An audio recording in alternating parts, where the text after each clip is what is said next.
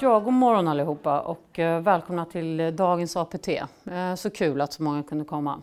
Vi bestämde ju på förra mötet att vi skulle prata om matchning idag. Och det är ju verkligen glädjande tycker jag att det går så bra nu eh, i relationsbyggandet med arbetsgivarna. Så att uppdragen nu blir fler och fler och det är fantastiskt. Men nu måste vi säkra att vi levererar den här kompetensen också som de efterfrågar.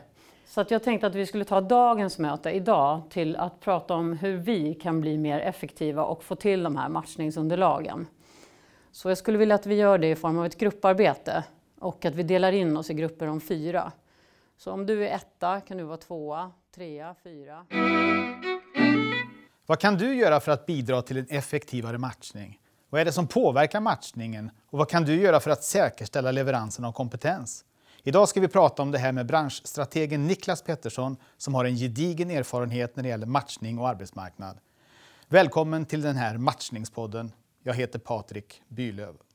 Niklas, vem är du och vad har du för bakgrund på Arbetsförmedlingen? Ja, eh, framförallt tack för att jag får komma hit och prata om de här viktiga frågorna. Eh, jag har jobbat sedan 94 på Arbetsförmedlingen och eh, sen chef i olika roller sedan 98. Eh, jobbat som eh, kontorschef på många olika kontor, bland annat en branschförmedling i Göteborg. Mm. Och har också varit eh, ansvarig för Saab-omställningen när konkursen skedde 2012. Och sen, ja, det, är min, det är min bakgrund med Arbetsförmedlingen. Mm. Men jag vet att du också har jobbat med de här frågorna utanför Arbetsförmedlingen.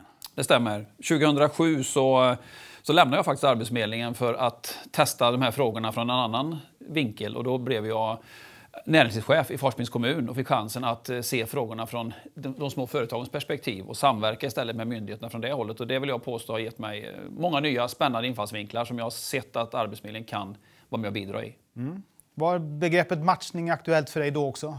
Absolut. Alltså matchning är ju nyckelfrågan för tillväxt i Sverige. Det, man kan prata om många saker som påverkar företagande, som påverkar en kommuns utveckling. Man pratar lokaler, man pratar logistik, vägar och så vidare. Men har man inte underlag för arbetskraft så är inte företagen intresserade av att expandera i de orterna. Och det var en av mina viktigaste uppgifter som, som näringslivschef, att diskutera med Arbetsförmedlingen. Hur kan vi marknadsföra exempelvis arbetskraftsreserven till de företag som är sugna på att komma till vår kommun?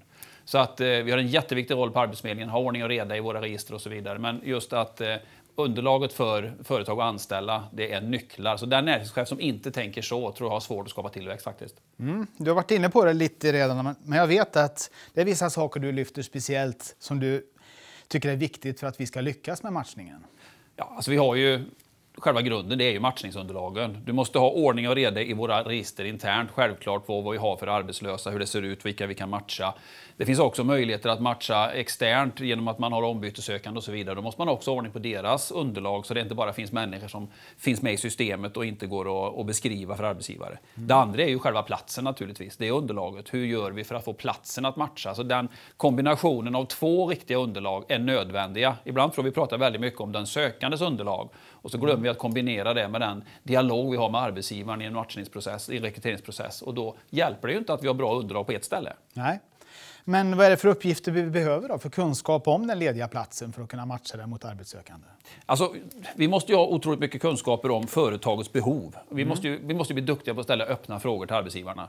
Vad behöver du för att växa? Vad behöver du för att kunna anställa? Och många gånger så tror jag att vi kan prata lite, lite längre med en arbetsgivare så kanske vi reder ut att vissa skallkrav som de sätter upp som villkorslösa inte alls är lika viktiga när det väl kommer till kritan. Man är beredd förmodligen att göra avkall på att det kanske är viktigare att en person bor i närheten av orten för att slippa stor personalomsättning och så vidare. Så att, att vi har öppna frågor, har en dialog med arbetsgivaren om vad finns så att säga, för tillgänglig arbetskraft med rimliga förväntningar för att klara matchningen och också då på det sättet skapa förtroende hos arbetsgivaren att du bryr dig om mitt företag, du har en dialog med mig om vad som är rimligt att anställa. Mm. Det går att anställa hur många människor som helst, men då kanske det kostar mer för då kanske du får plocka av konkurrenterna istället för att plocka av de som idag är friställda. Va? Ja.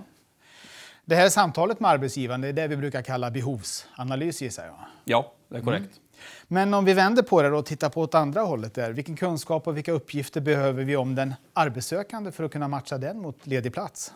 Jag tror det handlar mycket om att skapa en, en arbets struktur som gör att vi träffar de arbetssökande och pratar jobb. Eh, vi måste lära känna de arbetssökande, för vi ser mer och mer att företagen är beredda att göra avkall på både det ena och det andra rent kompetensmässigt, bara man får rätt person. Det säger många idag, ge mig rätt person så löser jag det andra.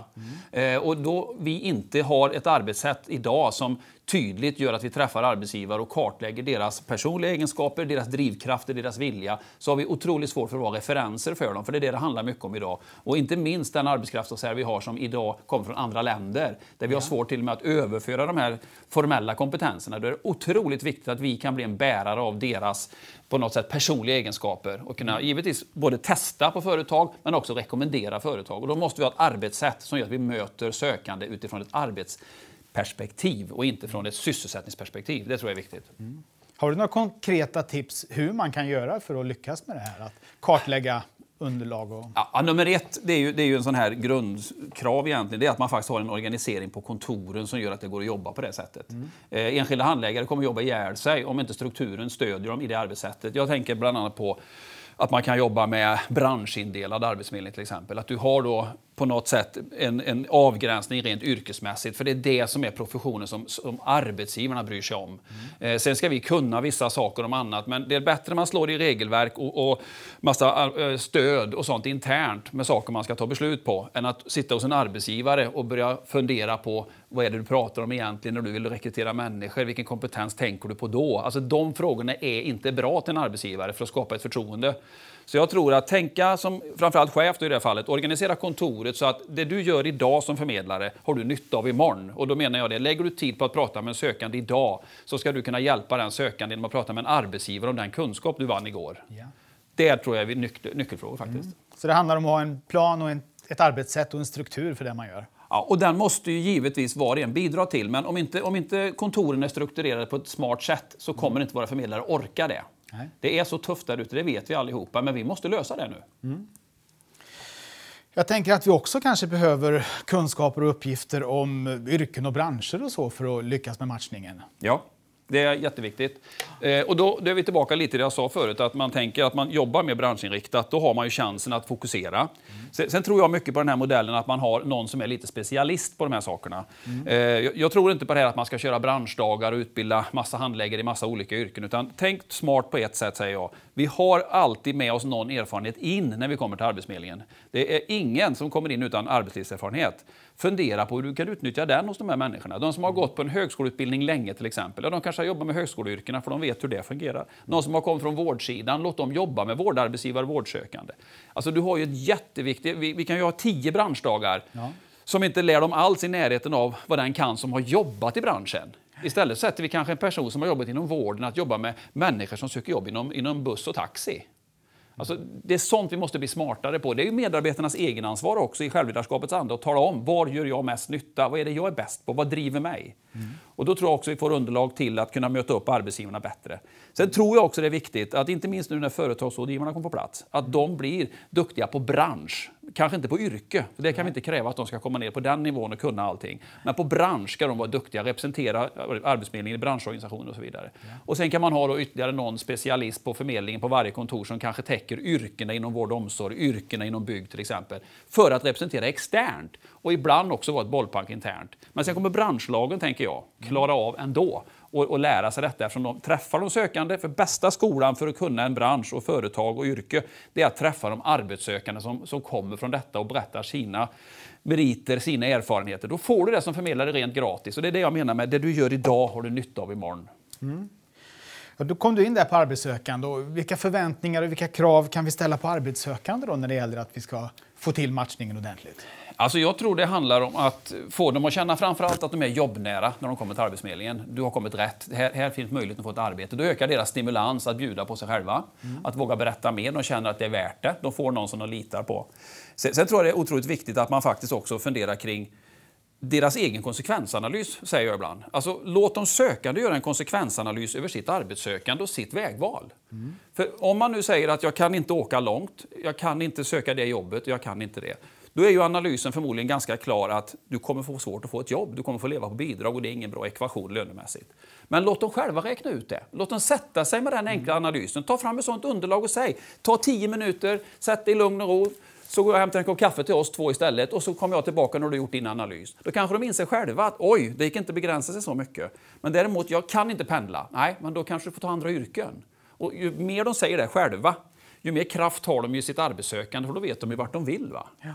Så jag tror det handlar om att även där, ungefär som vi säger med behovsanalysen till arbetsgivare, gör en likadan med sökande, låt dem göra sin egen konsekvensanalys av sitt vägval. Sen jobbar vi utifrån det. Ja, viktiga tankar.